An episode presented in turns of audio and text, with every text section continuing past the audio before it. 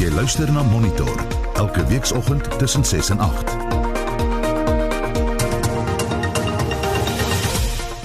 Dis nou 5 oor 7 in Monitor. Die Wêreldekonomiese Forum praat van 'n nuwe wêreldorde wat na die koronavirus kom.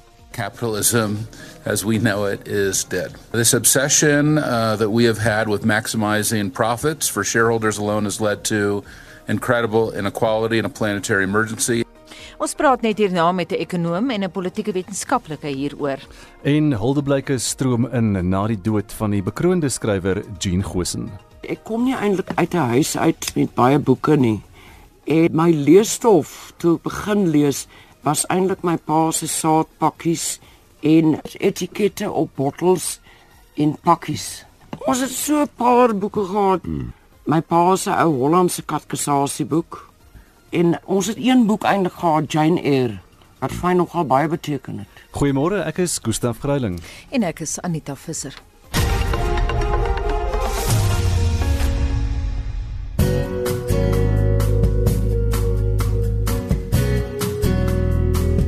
En nou die weer vir vandag, die 4de Junie is uitgereik deur die Suid-Afrikaanse Weerdiens. Gauteng is mooi weer, 24 vanmiddag in Pretoria, 22 in Johannesburg en so 23 grade in Vereniging. Die laafveld van Mpumalanga is gedeeltelik bewolk. Dit word 20 in Bombela. In Limpopo is dit mooi weer. Dit word gedeeltelik bewolk in die namiddag, 20 grade ook in Polokwane. Die Noordwes-provinsie is mooi weer, 24 in Mahikeng en in Vryburg. Die Vrystaat en die Noord-Kaap is ook mooi weer. Bloemfontein 22 vandag, Kimberley 24 en in Appington word dit later 28 grade.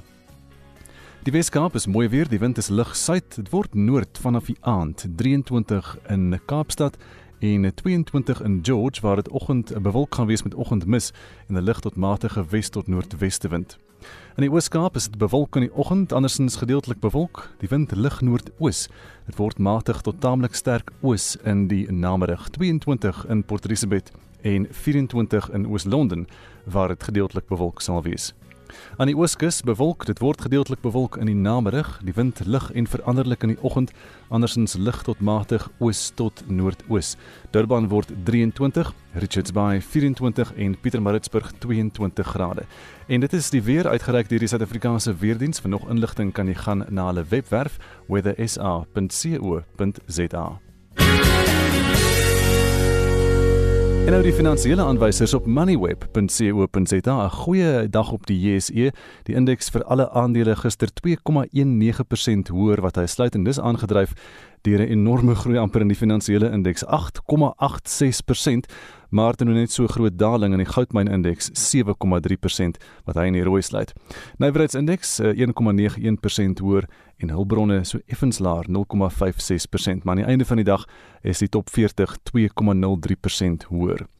Kommoditeitspryse: goud verhandel teen 1703 dollar en 55 sent, platinum 856 dollar en 90 sent uh, per fyn ons en Brent olie vanoggend op 39 dollar en 21 sent per vat. Die wisselkoerse lyk baie beter. Die rand teen die Amerikaanse dollar is nou onder die R17 vlak, is R16 en 99 sent. 'n uh, Euro R19 en 5 sent en 'n Britse pond vanoggend op R21 en 30 sent. En dis jou finansiële aanwysers op monitor.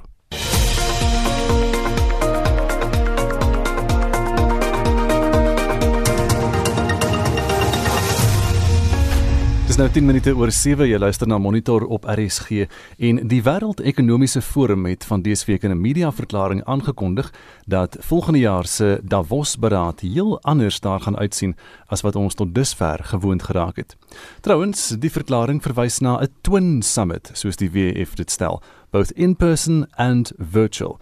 Want daarbenewens word ook verwys na die noodsaaklikheid van wat hulle 'n nuwe wêreldorde noem. Vir hulle NCT oor praat ons nou met die politieke wetenskaplike Roland Henwood van die Universiteit van Pretoria en Dawie Klopper, beleggingsekonoom by PSG. Goeiemôre menere. Goeiemôre Anita. Goeiemôre Anita en Gustaf.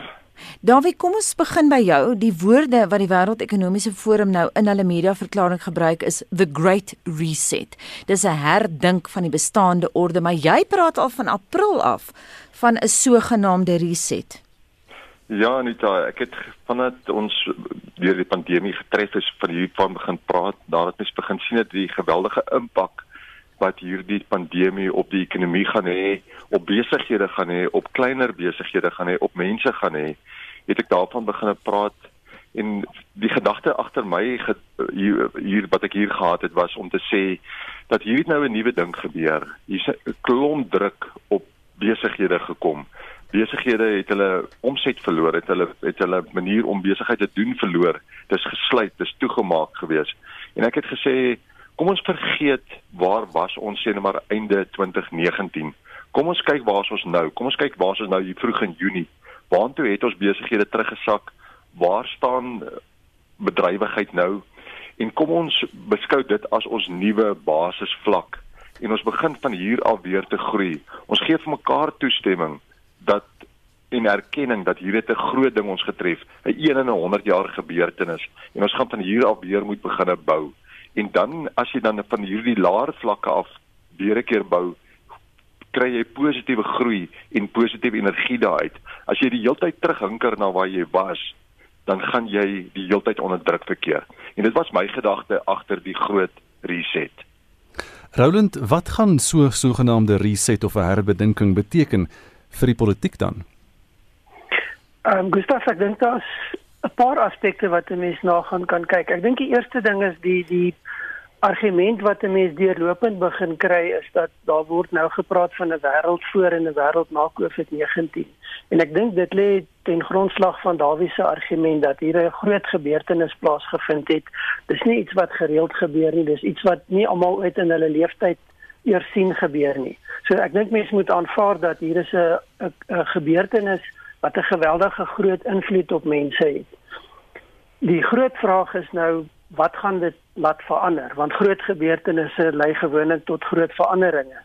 En as 'n mens na die politiek gaan kyk, dan sien ons daar's twee strominge van argumente wat begin vorm aanneem. Die een is gebou rondom die idee dat ons kan nie net eenvoudig aangaan om te doen wat ons tot nou toe gedoen het nie. Met ander woorde, daar moet een of ander verandering kom.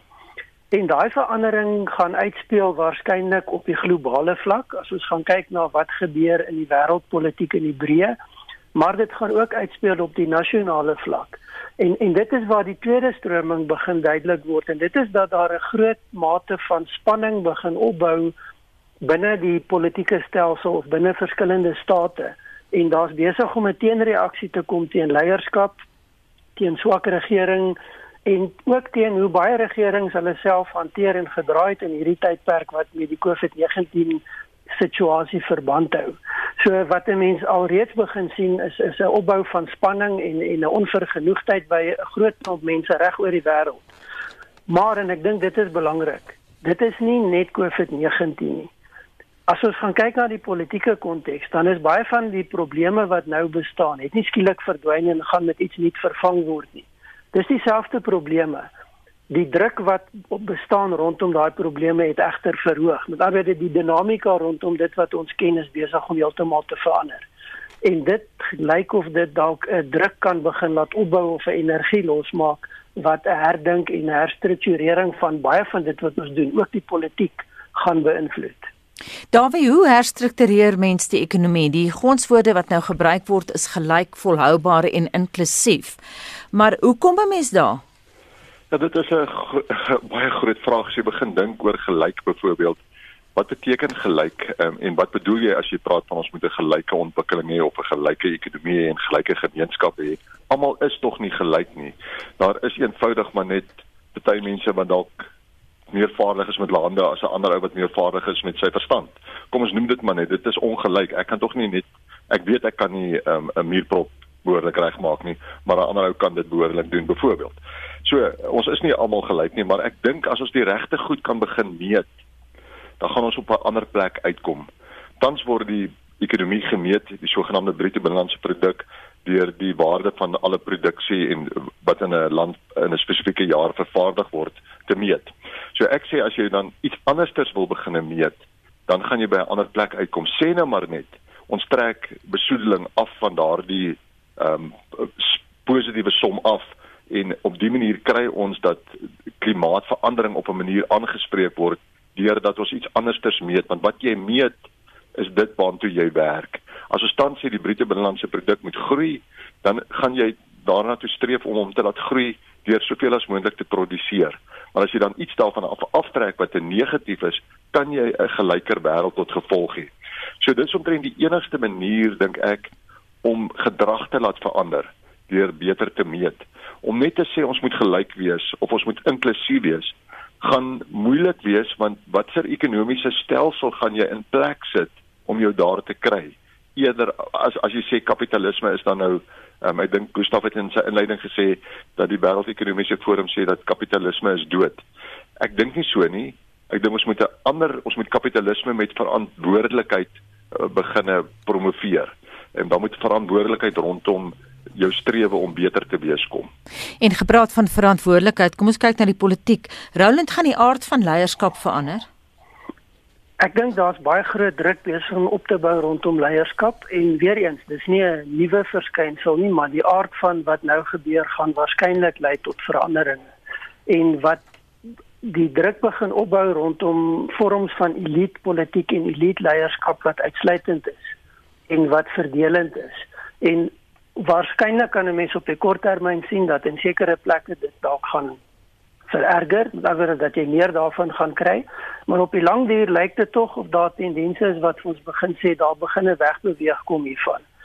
Ek dink wat belangrik gaan wees is dat die era van individuele leierskap waar een persoon maak en breek en wegkom daarmee ten minste vir 'n termyn as mens na demokrasie gaan kyk, gaan waarskynlik begin verander. En waarskynlik gaan 'n mens meer begin sien dat daar 'n leierskap begin ontwikkel wat verantwoordelik is maar meer in die konteks van 'n verdeelde kollektiewe leierskap. En daarmee bedoel ek nie groepsleierskap nie, maar leierskap wat rondom verskillende aspekte en verskillende vlakke van betrokkenheid op 'n ander manier gaan uitspeel. Een van die groot kwessies wat ons gesien het alreeds uitspeel in die aanloop tot waar ons gekom het in 2020 is die kwessie van verdeeldheid en marginalisering en dit het 'n politieke en 'n ekonomiese komponent. Dit is byvoorbeeld een van die groot dryfvere gewees agter Brexit. En so so dit is waarskynlik prosesse wat kan versnel in die toekoms en waar daar teenreaksies gaan kom hierteen dat leiers nie net kan maak en breek en dan wegstap en sê goed ek het dis nou nie meer my probleem nie. Maar maar en ek dink die belangrike woord wat gebruik is is die woord verantwoordelikheid en dan verantwoordelikheid in 'n konteks van 'n meer regverdige wêreld. Dit lyk tog asof daar al hoe meer klem gelê word op die idee van regverdigheid wat inherënt deel moet wees. En dit moet ook inherënt deel van die politiek wees. Dit is nie iets wat jy net in ekonomiese of maatskaplike omgewing kan skep nie. Jy kan nie net politieke regverdigheid hê en nie ekonomiese regverdigheid nie. So dit is dinamika wat besig is te ontwikkel en wat waarskynlik die dryfvere kan word vir hoe dit kan lyk aan die aan, aan of hoe dit kan begin ontwikkel aan die einde van hierdie COVID krisis. Daar is interessant wat Roland nou daar sê van van leierskap. Jy het so verwys na die gonswoorde. Een van die groot gonswoorde onlangs uh, was was globalisering geweest en is aangedryf veral deur hierdie groep leiers wat dan nou so sterk is en verkies is. Maar globalisering is nou taamlik in sy spore gestuit die laaste paar maande, né? Absoluut. En dit is soos Roland ook nou 'n paar keer gesê het, nie 'n nuwe ding noodwendig nie. Ons sien dat identiteitspolitiek ehm um, en dan ja, identiteitspolitiek het die afgelope klompe jare groot ehm um, aanhang gekry as te ware dit is hoekom 'n Trump kon verkies geword het. Dis hoekom 'n Brexit kon gebeur het. Mense wou hulle wou hulle grense toemaak. Die gonswoord wat Trump gebruik is my, gebruik het was make America great again. En dit het daar rondom gegaan dat jy dan sê ons gaan vir onsself sorg. Nou met hierdie siekte, met die pandemie, dink ek het ons gesien dat grense is toegemaak en iets van ons gaan nou na onsself omsien dink ek het groot momentum gekry en dit is teenoor die hele ding van interafhanklikheid en dat ons met mekaar moet handel dryf oor grense heen en ons moet gaan produseer waar dinge die goedkoopste gemaak kan word en dan voer ons dit uit na ander lande wat dit nodig het. Dit gaan dalk verander. Hier gaan 'n fokus wees om self te produseer. Um, ek sien Suid-Afrika praat ook daarvan dat ons gaan moet self begin produseer. Ons gaan moet hier vervaardiging hier by onsself doen sodat ons dan uiteindelik op dié manier kan werk skep. Die vraag is net, gaan dit noodwendig goedkoper wees om dit so te doen en gaan dit noodwendig beter wees om dit so te doen. So dit is deel van daai dinamiek wat wat besig is om te ontwikkel en wat mens nog nie heeltemal presies sien hoe dit gaan uitspeel nie. En ja. Roland, mens wil ook nie die baba met die badwater uitgooi nie. Alles sal nie oornag kan verander nie of hoe? Nee, ek dink daar gaan waarskynlik 'n groter mate van kontinuïteit wees. Ek dink dit is een van die sake wat ons versigtig moet benader as ons hierdie argumente bou is om 'n idee te skep dat oor 2 maande gaan alles beter en anders wees. Dit gaan nie so werk nie. Daar's 'n groter mate van kontinuïteit en dieselfde uitdagings en probleme wat bestaan het in 2019 en 2018 gaan in 2021 nog steeds met ons wees. Wat belangrik is is dat die konteks van die uitdagings anders gaan wees en dan hopelik want daar's geen waarborge nie, maar hopelik gaan die gesindheid waarmee hierdie probleme benader word anders wees. Meer bereidwilligheid wees tot wat ons kan noem 'n uh, 'n uh, 'n uh, 'n vorm van ehm um, samewerking, ehm um, daar word verwys na na interafhanklikheid. Die konteks van interafhanklikheid, die konteks van samewerking gaan waarskynlik meer belangrik word. Ek dink 'n woord wat ons baie hoor nou wat dit beskryf is solidariteit. En dit beteken nie dat jy dood eenvoudig alles oorboord gooi nie. Dit beteken dat jy op 'n verantwoordelike, meer regverdige manier en 'n langtermynbeskouing ontwikkel. En ek dink dis een van die ander belangrike aspekte. Dit begin al hoe meer ook na aandag kry. Dit is dat al baie dringend gekyk moet word na hoe leef mense in in terme van swak omstandighede, maar ook in terme van oordadigheid. En dit bring natuurlik die hele kwessie van omgewing ter sprake. Wat is ons besig om aan die aarde te doen aan die omgewing? En kan ons aanhou om dit te doen? Kan ons toelaat dat sekere mense absoluut oordadig leef en ander dood eenvoudig dit net nie kan hanteer en kan oorleef nie op 'n basiese vlak. En en dit is daai konteks van interafhanklikheid wat ook meer belangrik gaan word maar oor die langer termyn. Wat wel dink ek vir ons duidelik begin word is dat die hantering van van probleme en kom ons noem dit krisisse soos COVID-19 gaan al hoe meer druk plaas en dit gaan al hoe vinniger optrede vereis.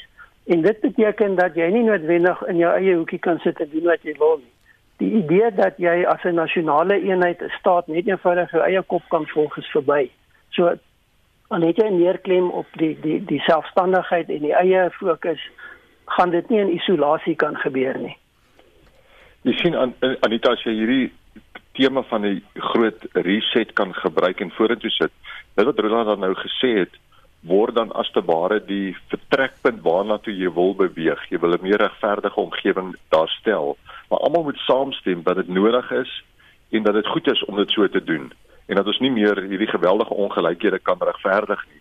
Maar almal moet saamstem dat ons in daardie rigting moet be moet beweeg en dan kan ons 'n beter wêreld uiteindelik hierna ehm um, vir die wêreld daarstel. Nou die Wêreldekonomiese Forum het in hulle media verklaring geskryf dat COVID-19 hierdie proses verhaas het. Dit sou plaasgevind het, ons was stadig op pad daartoe gewees, maar sou hierdie debat ooit plaasgevind het as dit nie was vir hierdie virus nie en is, is dit wat dit vat om mense te kry om te praat hieroor? Dawie Ja, is dit is dit wat dit vat om mense te kry om daaroor te praat? Ek dink dit ehm um, lê net des te meer dit dit dit bring die dringendheid na vore om hmm. oor hierdie goed te begine praat dit was miskien op die agenda gewees en dit sou dalk oor 10 jaar in elk geval deel van ons um, denkerigtings gewees het. Maar nou is dit absoluut verhaas dat ons op hierdie punt gekom het waar ons die geleentheid wat dan nou in Covid lê in die in die negativiteit, die positiwiteit moet raak sien om te sê ons kan 'n beter wêreld hierna tot tot stand bring. En dit is miskien maar die wêreldekonomiese forum en Charles Schwab wat dan nou die die forum dryf in gedagte het wanneer hy praat van ons moet ehm um, ons moet dinge meer gelyk maak, meer inklusief, meer volhoubaar maak vir almal wat hier op hierdie aarde leef. So gepraat van inklusief, verhoudend die jeugstemme blyk belangriker te word as ooit tevore. Ekskuus Anita, ek het net 'n deel van jou vraag nie gehoor nie, kan jy dit herhaal asseblief? Dawie het nou gepraat van inklusiwiteit, maar dit blyk asof die jeugstemme belangriker word as ooit tevore. Hoe gaan die millennials die wêreld verander? Ek dink die belangrike vertrekpunt wat 'n mens moet aanvaar is dat jy kan nie dink dat dit wat 10 jaar terug, 20 jaar terug of 40 jaar terug afhangende van hoe oud jy is, jou wêreldperspektief gevorm het, dieselfde gaan bly nie. So jong mense het 'n ander perspektief, hulle het ander behoeftes en belange. Ons weet dat jong mense baie meer bekommerd is oor die invloed van omgewingskwessies en hoe dit hulle gaan beïnvloed, hulle lewenskwaliteit gaan beïnvloed. So uit die aard van die saak het hulle gevestigde belang in hierdie tipe debat, maar as ons kyk na die ou manier van doen as ek die woorde mag gebruik, dan is jong mense nie eintlik betrek en 'n geleentheid gegee nie. In sommige gevalle word hulle misbruik omdat daar die die idee geskep word dat hulle gekonsulteer word. Maar dit gebeur nie regtig nie. Dink die tweede belangrike punt is dat die wêreld waarin ons leef is 'n baie meer gevorderde wêreld as met vorige groot krisisse. Jong mense se vlakke van opleiding en en kennis en en ingeskakel wees by die wêreld is baie hoër as wat dit ooit in die geskiedenis was. En dit regverdig dat daar baie meer aandag gegee word aan hoe jonger geslag en jonger geslagte dalk gaan kyk na sake en hoe dit hanteer word.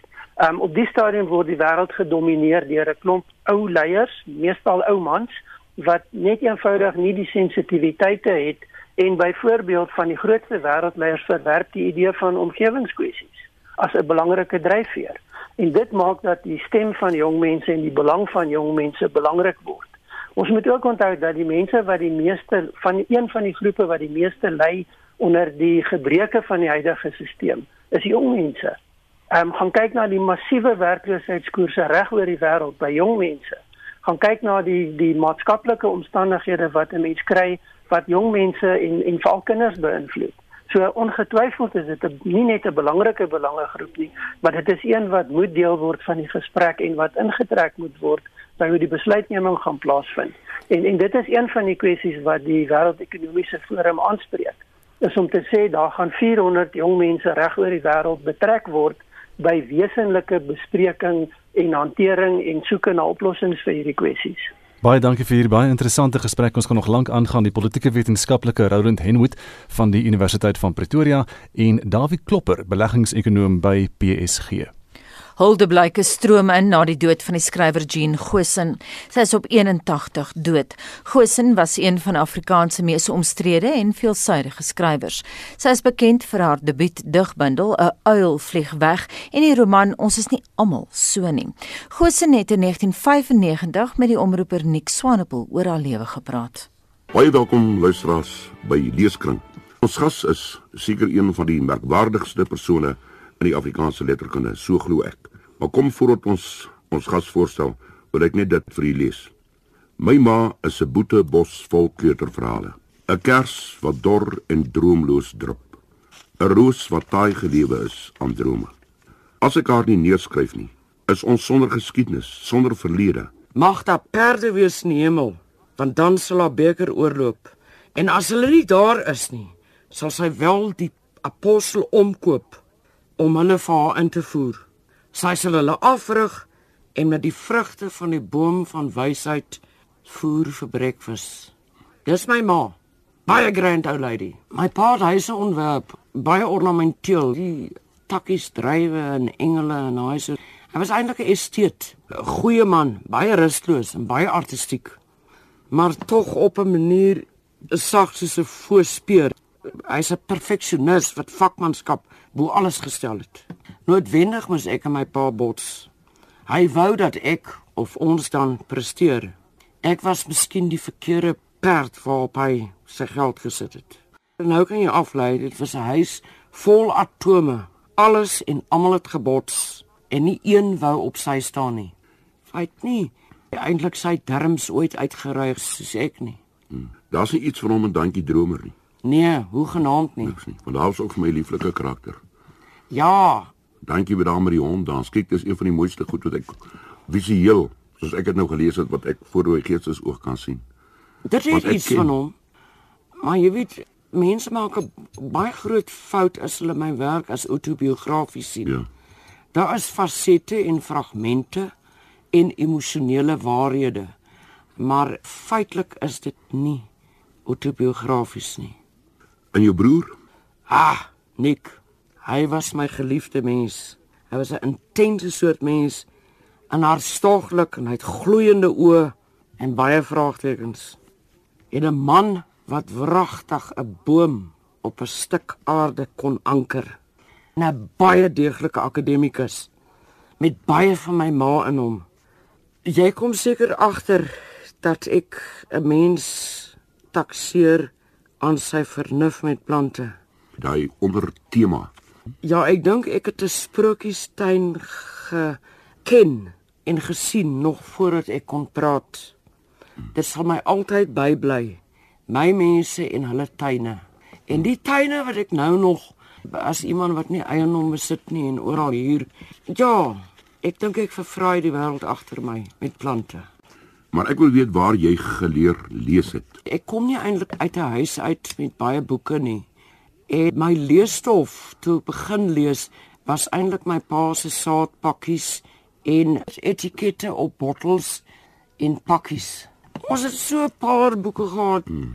My pa se ou Hollandse katekisasieboek en ons het een boek eintlik gehad Jane Eyre wat vir my nogal baie beteken het. Ons is ook maar soos vandag nog besoek deur mormone en wagtorings hulle en hulle traktaatjies en leesstof daar gelaat. En dit was my leesstof. Dit was 'n baie 'n visuele opset. Die tuin en my pa se plante en goed. Ek kon baie goed daarin lees. Die kabarettekste. Dit is hy musiek ding van jou wat jou na die kabaret toe gedryf het. Wel is of die musiek of Sandra Prinsloo. Een van die twee. Maar beide uh, verg 'n geweldige dissipline en 'n selfondersoek en ek kan ontslaa raak van 'n oormaat dekadensie. Ek het geniet want dit was baie subversief en dit is tog after all wat kabaret is. Die rapportprys gekry het vir prosa, die CNA en die Mnet boekprys. Daai een akteurs van ons gaan net nou praat oor die drama. Het jy daar in 19 dink ek 92 het jy die uh, rapportprys vir uh, drama ontvang. En met daai een van daai stukke in in daai bundel 'n koffer in die kas. Het jy afgesien van die lof hier het jy ook in Duitsland lof gekry en België en in Nederland en in Engeland. Daar was 'n oorgangstydperk binne baie moeilike politieke omstandighede en dit het dit verleen tot die verhoog. Daar was 3 dramas en 2 kabarette. Dit was my 'n wonderlike oefening om net om dramas te skryf is nie so geïsoleerd nie. Dit was ook 'n uitdaging. Veral in 'n tyd toe daar nie meer geld was vir spelers en alikatuti nie. Ek praat nou van 1990, 91, 92 en verder. Een speler toe was al 'n klein huisie vol geld. Vir my het die uitdaging aangelê om vir een persoon te skryf, hoogstens 2, omdat dit goedkoper is. Om met soveel beperkings te skryf was vir my ook 'n uitdaging aan dissipline en tegniese vernuf. Dit is byvoorbeeld baie moeilik om een speler vir 80 minute lank op 'n verhoog te hou sonder dat die gehoor verveel raak. Ja, maar ek het daai uitdaging aanvaar en dit was baie bevredigend. En so sê die skrywer Jean uh, Jean Gosen liewer, sy is dood op 81 en die man wat daai onderhoud met haar gevoer het was Nick Swanepoel en die onderhoud vat ons terug na 1995. Jy luister na Monitor elke weekoggend tussen 6 en 8. Dit was pas half 8 gewees in die nuus. AfriForum sê die belang van burgerregte groepe en instansies wat autokratiese en irrasionele besluite beveg, word toenemend duidelik tydens die inperking. En die DA bevraagteken die afskryf van 1,9 miljard rand se historiese skuld deur die studentehulporganisasie NSA FAS bly ingeskakel.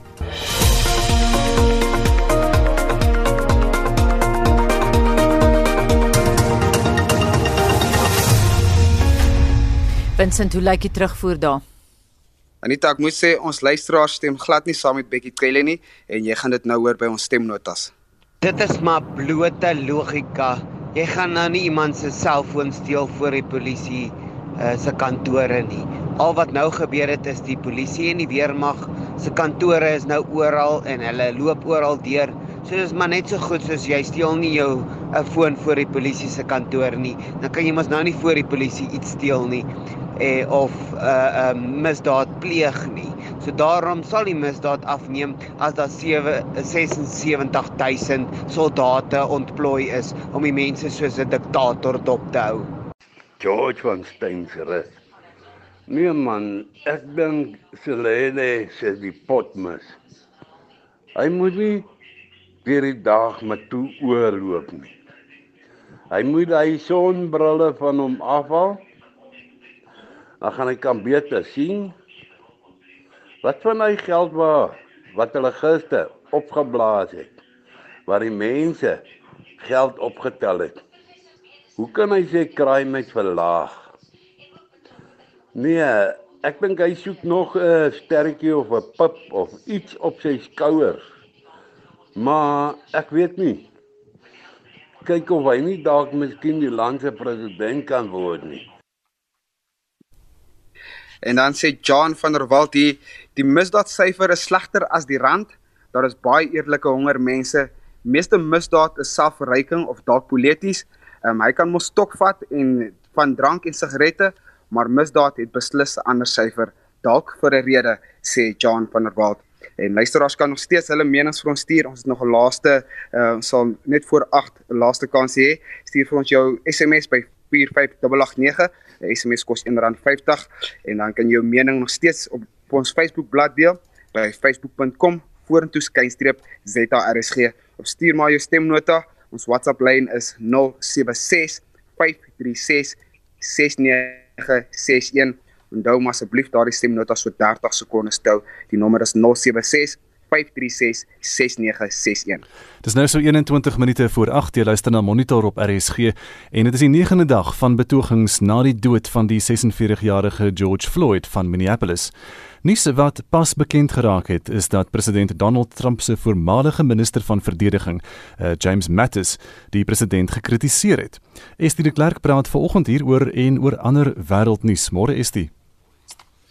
Hallo Gustaf, die voormalige Amerikaanse minister van verdediging wat in 2018 bedank het nadat Trump besluit het om soldate uit Sirië te onttrek, het Trump daarvan beskuldig dat hy verdeling saai deur Amerikaners in kampe te verdeel en sy gesag misbruik. Mattis het gesê hy was kwaad en verstom oor hoe Trump die onrus hanteer. Mattis het gesê Trump is die eerste president wat nie probeer om Amerikaners te verenig nie, insteede probeer hy om Amerikaners te verdeel. Sy kommentaar is gister in The Atlantic tydskrif gepubliseer. gepubliseer. Trump het daarop gereageer deur 'n reeks tweets te skryf, tweets te skryf waarin hy onder meer gesê het: "Mattis is die wêreld se mees oorskatte generaal." Nou al vier die polisiebeamptes wat teenwoordig was toe Floyd op die toneel dood is, is afgedank, maar nuwe klagte is nou ook teen hulle geformuleer en ingedien.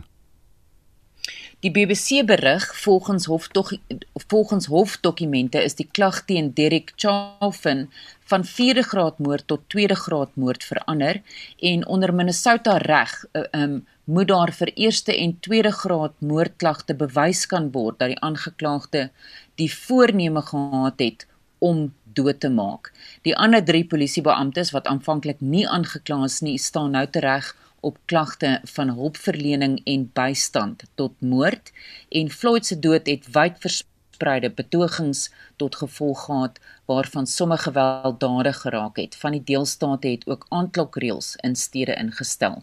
Hier is wat van die betogers te sê gehad het. I don't want us to be looked at as rioters or looters. We're protesting passionately. We're passionate people. No justice! No peace! No justice! No peace! If you don't speak up, then everything's just going to be silent. There's going to be no justice. Exactly. So there has to be justice for all the people that die with this police brutality. I'm just tired of hearing about black people dying. I'm tired of being afraid just by being stopped by the cops what I think needs to be recognized is that this country has a history um, of enslaving, beating, brutalizing, and killing black people for centuries in this country. So instead of really chastising us and questioning the nature of our protests uh, and the way that we respond to actions, I think it's important to recognize who has set the tone and forced our hand to respond in the way that we have in, in the same ways that you have with our people for centuries. I want us to treat black lives as our own on a daily basis. In the classroom, out of the classroom. I want it in the streets. I want it when somebody is pulled over. Minnesota se prokureur-generaal Keith Ellison sê die polisiebeamptes is aangekla in belang van geregtigheid. Floyd se voormalige lewensmaat en ma van hulle dogter Gianna was erg bewoed toe sy gesê het haar dogter het nie meer 'n pa nie. Those officers took at the end of the day, they get to go home and be with their families. Shiana does not have a father. He will never see her grow up, graduate. He will never walk her down the aisle. If it's a problem she's having and she needs her dad, she does not have that anymore. I'm here for my baby. And I'm here for George because I want justice for him. I want justice for him because he was good. No matter what anybody thinks, he was good. And this is the proof that he was a good man. En nou nuus van 'n ander aard in China kan baie rolprentteaters moontlik sluit. Ja, meer as 40% van fliekteaters in China kan moontlik sluit as gevolg van 'n uh, en dit is nou volgens 'n studie wat gedoen is deur China se filmvereniging en die vereniging sê omdat teaters so lank tydens die inperking gesluit was, kan gehore lank neem om terug te keer. Miljoene Chinese het nou gewoond geraak daaraan om films aanlyn te kyk tydens die inperking, te danke aan 'n wye internetverskeidenheid. En volgens die navorsingsfirma Ibis World is daar op die oomblik 12000 fliekteaters in China, maar 4 uit 10 het aangedui hulle sal moontlik sluit. En dit was dan Estie de Klerk met vandag se internasionale nuusgebeure. Wêreldwyd word daar op die dood van die 46-jarige man van Minneapolis, George Floyd, gereageer. Floyd is op 25 Mei deur 'n polisiebeampte vasgedruk en versmoor. In die VSA het wyd verspreide betogings plaasgevind en uitgebreek en die weermag is nou in 23 deelstate ontplooi. Ons praat met 'n senior lektor by die eh, Sentrum vir Sekuriteits- en Verdedigingsbestuur aan Wits Universiteit, professor Antoni van Nieuwkerk. Goeiemôre. Goeiemôre Anita. Gaan George Floyd se dood 'n soort waterskeiding wees? Sjoe. Ehm um, is moeilik om te voorspel of een man se dood die aard van die politiek gaan verander. Ek dink ons moet daai uh oordeel vel in November as die kiesers na die stembus toe gaan om of vir Donald Trump nog 'n kans te gee of om vir Joe Biden uh as president aan te wys en dan kan ons besluit of die politiek grondig gaan verander. Maar dis ongetwyfeld so Anita dat uh dat die man se dood 'n vonk in die kruitvat is van uh 'n geweldige uh 'n tsunami of 'n golf van ontevredenheid, onvergenoegdheid onder baie wit en swart Amerikaners oor wat hulle dink 'n uh, 'n uh, 'n dieper liggende probleem is. Antoni, gaan hierdie kwessie net oor ras of is daar ander maatskaplike kwessies ook ter sprake? Ja, dis dis dis wat ek eintlik bedoel, Gustaf. Ek dink ehm um, as jy my vra dan sou ek sê dat eh uh, die die die herhalende patroon van polisie brutaliteit en swart mans wat eh uh, wat doodgemaak word of geskiet word eh uh, en die geweld wat die mense in die Amerikaanse samelewing sien dalk 'n uh, produk is van van kolonialisme en kapitalisme wat in Amerika uitspeel in die vorm van ongelykheid en armoede. En uh, Gustav laat my toe net om 5 of 6 punte te maak oor hoe hierdie armoede lyk. Mm -hmm. En dan sal ons miskien agterkom hoekom daar so 'n golf van verset besig is om te ontwikkel. Ehm um, In terme van welvaart doen swart families baie 10 keer slegter as wit families. Swart families besit nie huise of hulle het nie bates nie. Hmm. Ehm um, wit families het 'n baie hoër inkomste as swart families. Die die gemiddelde inkomste vir wit families is 70000 dollar. Dis omtrent 1.2 miljoen. Ons praat nou van die grootste ekonomie in die wêreld. Teenoor swart families 40000 eh, dollar, dis omtrent 680000 rand. Dis die dis die gemiddelde inkomste van 'n familie. Werkloosheid onder swart Amerikaners is baie hoër as onder wites. Armoede is dubbel so hoog onder swart Amerikaners as onder wites. Ehm um, baie swart Amerikaners het nie mediese dekking of versekerings nie. En dan het ons nou agtergekom in on, onlangse tye dat baie meer swart Amerikaners doodgaan aan die COVID-19 uh pandemie as as wit as wit uh, Amerikaners. So daar's 'n duidelike patroon te bespeur in die terme van ongelykheid en armoede uh in die Amerikaanse samelewing en vanoggend het iemand geskryf in 'n koerant uh is is 'n swart Suid-Afrikaner wat in Amerika bly. Sy praat van die die geweld van armoede, the violence of poverty. En ek dink dit is onderliggend aan hierdie probleem waarvan ons nou praat. Antony die National Guard is nou ontplooi in 23 deelstate. Is dit die regte manier om te werk te gaan? Wat sou jy voorstel as jy 'n raadgewer was hm. vir die Trump administrasie? Wel ek sal in eerste plek nie 'n raadgewer vir die Trump administrasie wil wees nie. Want jy word met 'n tweet afgedank die volgende dag en dan word jy verskriklik sleg gesê as jy die verkeerde uh, uh, advies gee. So so wat hier aan die gang is, ek het gisterand gekyk na uh, uh, Barack Obama wat gepraat het oor wat hy sien. En hy sê in sy lewe het hy nog nie so geweldige uh verset aksie uh onder onder, onder die gemiddelde Amerikaner gesien of dit wit of swart is nie. En hy en Joe Biden, dis nou die demokrate, probeer 'n uh, narratief gebruik om te sê wat kan ons doen om die nasie te verenig want ons is per slot van rekening in die middel van 'n mediese krisis of 'n gesondheidskrisis en 'n ekonomiese krisis. Terwyl Donald Trump lyk vir my het nie die vermoë om empatie te toon nie. En so baie van hierdie emosionele tonele wat afspeel in Amerika op ons TV-skerms waar jy kan sien mense sukkel regtig waar om om om sin te maak van die van die brutaliteit uh, rondom hulle.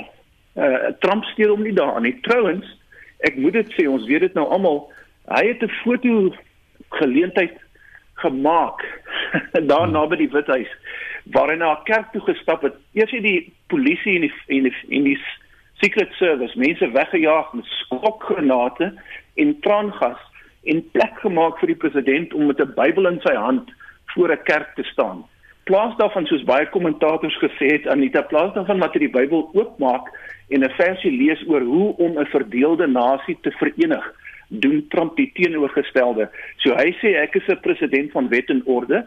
Ek net vinnig iets anders te sê. Die rede hoekom hy dit doen, is daar 'n daar's 'n ander narratief storie wat loop in Amerika en dit is dat ehm um, uh uh ver ver linkse groeperinge wat geweld gebruik en anarchiste en saboteurs het nou oorgeneem by hierdie burgerregte uh protesaksie. En hulle moet in die in die bek geruk word want dit is eintlik wat aan die gang is en dit is mense wat wat sonder wat sinneloos ehm um, eiendom wil vernietig. Terwyl terwyl die meeste aktiviste in Amerika wit en swart ingesluit sê maar hier is 'n dieper ding en ons het die reg om om om vreedsaam te proteseer om nou die weermag te ontplooi in so omstandighede is 'n vreemde ding om te doen. Antoni, voor 25 Mei het ontleeders gesê COVID-19 gaan die groot vraagstuk word wat op 3 November gaan uitspeel wanneer mense hulle krisis trek. Maar gaan dit nou die George Floyd storie wees? Gaan dit die vraagstuk van die 2020 verkiesing in Amerika word? Weet jy net een van die tragedies van van van die burgerlik burgerregte beweging en mense wat proteseer teen polisie brutaliteit en institusionele rasisme en ongelykheid in die samelewing. Een van die tragedies is hulle onvermoë om hierdie agenda lewendig te hou. Uh baie vinnig gebeur iets anderster 'n massa skiet voorval elders in die land of uh, Trump doen nog 'n snaakse ding en dan verdwyn dit van die agenda. En dit sê vir my dat daar lê nog baie maande voor voordat die agenda bepaal gaan word of bepalend gaan wees vir hoe die kiesers gaan stem. En ek sou miskien wou voorspel dat 'n kombinasie van 'n uh, eh, swak ekonomiese herstel, die langdurige uitwerking van die van die koronavirus krisis op die samelewing en dan hierdie onderliggende rasisme, rasisme, die kombinasie van hierdie drie faktore gaan dit baie moeilik maak vir Donald Trump. En natuurlik sy persoonlike styl, die manier waarop hy homself gedra. Hierdie vier faktore gaan dit vir moeilik maak om weer terug te keer na die betuis. Baie dankie en dit dan die mening van 'n senior lektor by die Sentrum vir Sekuriteits- en Verdedigingsbestuur aan Wits Universiteit, professor Antoni van Nieuwkerk. Dis nou 8 minute voor 8 en plaas en buurtwagte het hulle aktiwiteite op vlak 4 van die inperkingsregulasies hervat. Dit lyk egter of hulle teenkanting van sommige regeringsamptenare ervaar en ons praat nou met AfriForum se hoof van gemeenskapsveiligheid, Een Cameron. Een goeiemôre. Goeiemôre. Wat is die situasie op die oomblik wat buurtwagte en ook veiligheidsmaatskappye se aktiwiteite betref? Vir Afriforum se buurtwagte en plaaswagte het van gisterand af weer begin met patrollies. Ons het hierdie komende Saterdag 'n uh, verset patrollie wat ons gaan doen uit protes uh, uit die manier wat party mense of party amptenare teenstand bied oor patrollies wat 'n baie goeie ding is wat wel nou al gebeur het van gister af is dat hulle reeds bevestig het dat strukture in Limpopo, die Wes-Kaap en natuurlik die Vrystaat kan begin met patrollies. So dis 'n positiewe ding. Ehm um, dis eenvoudig. Uh in elke vlak of elke inperkingsvlak se regulasies is daar uitsluitingsklausule en in daardie uitsluitingsklausule staan daar watter dienste nie verder mag aangaan nie. So met ander woorde daar staan ehm um, die volgende dienste mag voortgaan en dan staan daar tensy dit ingesluit is by die uitsluitingsklausule buurtwagte, plaaswagte, plotwagte is nie ingesluit by daardie klousule nie. En vir daai rede mag hulle begin met patrollies. Een, julle beplan nou 'n verset patrollie landwyd. Wat gaan dit behels? Wel, ehm um, die, die wonderlike ding is ons het reeds baie steun gekry van die polisie op grondvlak, so dit is 'n baie positiewe stap in die regte rigting. Ehm um, dis eenvoudig ons doen elke paar weke 'n nasionale patrollie, ehm um, al vir die afgelope paar jaar waar al ons strukture gelyktydig in samewerking met verskeie ander organisasies patrollies doen in hulle areas. En dit is 'n sigbaarheidsoefening, maar dit gaan ook daaroor dat gemeenskappe ehm um, uh, verenig in die geveg teen misdaad en uh, en hier is 'n baie goeie geleentheid om dit te doen. Wat sleg is van hierdie situasie is dat ons nie nou net met verenig teen misdaad nie, maar ook teen sekere amptenare wat dit moeilik maak vir veiligheidsstrukture om voort te gaan. Ek dink die bekommernis lê daarin dat ons uh, gereed is om te begin. Ons vra al van vlak 5 af hoekom mag buurtwagte en plaaswagte nie voortgaan met patrollies nie. En nou dat ons op vlak 3 is, hoor ons nog steeds niks amptelik van die polisie uh, minister of die kommissaris nie om die waarheid te sê. Die kommissaris het ver gegaan uh, dat mense gearresteer sou word. Dis nou voor ons skryf is. En uh, en dis natuurlik onaanvaarbaar. Misdaad wag vir niemand nie. Misdaad het drasties begin toeneem veral vandat vlak 3 begin het. En vir daai rede is dit uiters belangrik dat gemeenskappe kan begin optree as die oë en ore van en vir die polisie om die polisie se hand te sterk in die geveg teen misdaad. Een, wat dink jy is hierdie rede vir die teenkanting wat jy ervaar van sekere staatsamptenare want jy sê hulle kry tog uh, ondersteuning van die polisie op grondvlak?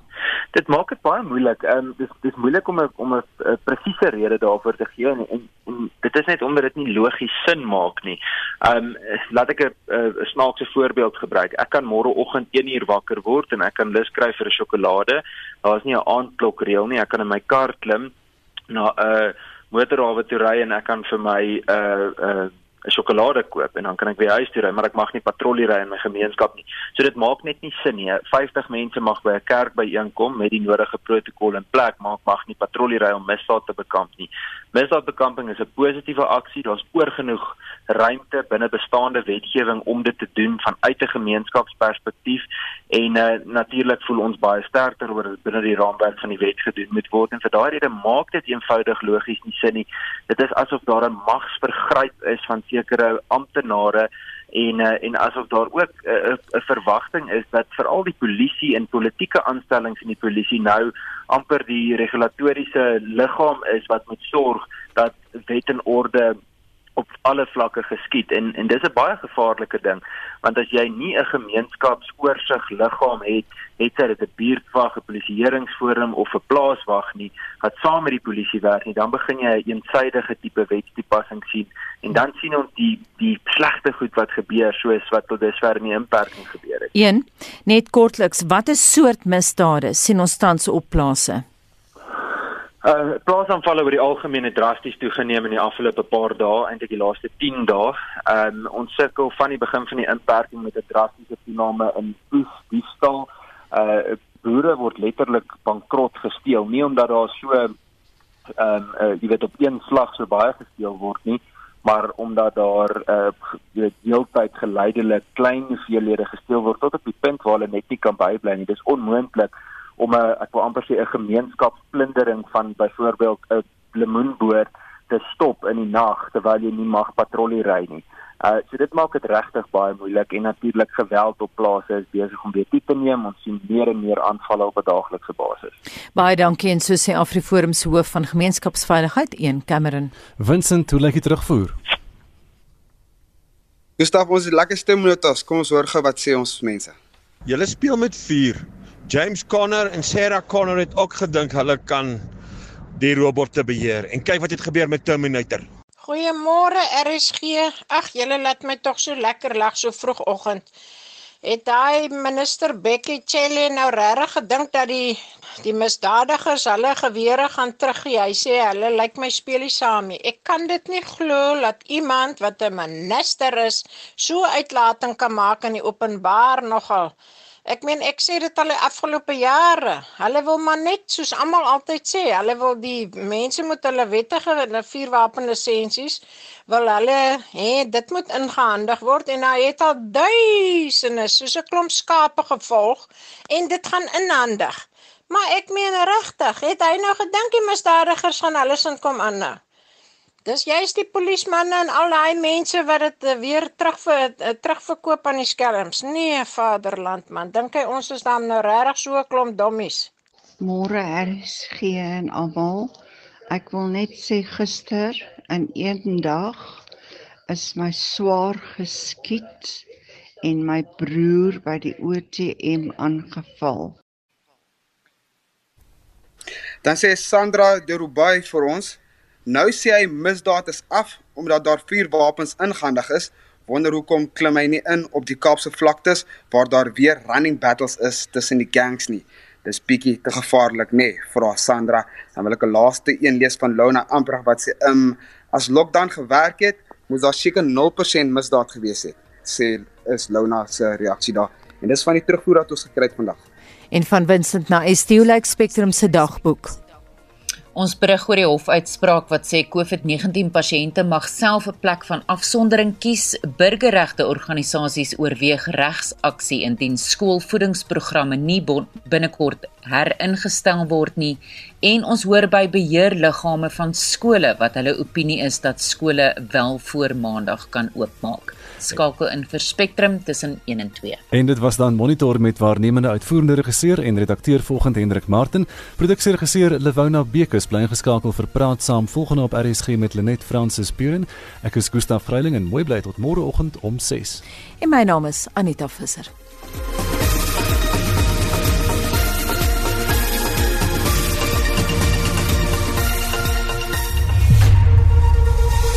Esai Kahnis onafhanklik, onpartydig.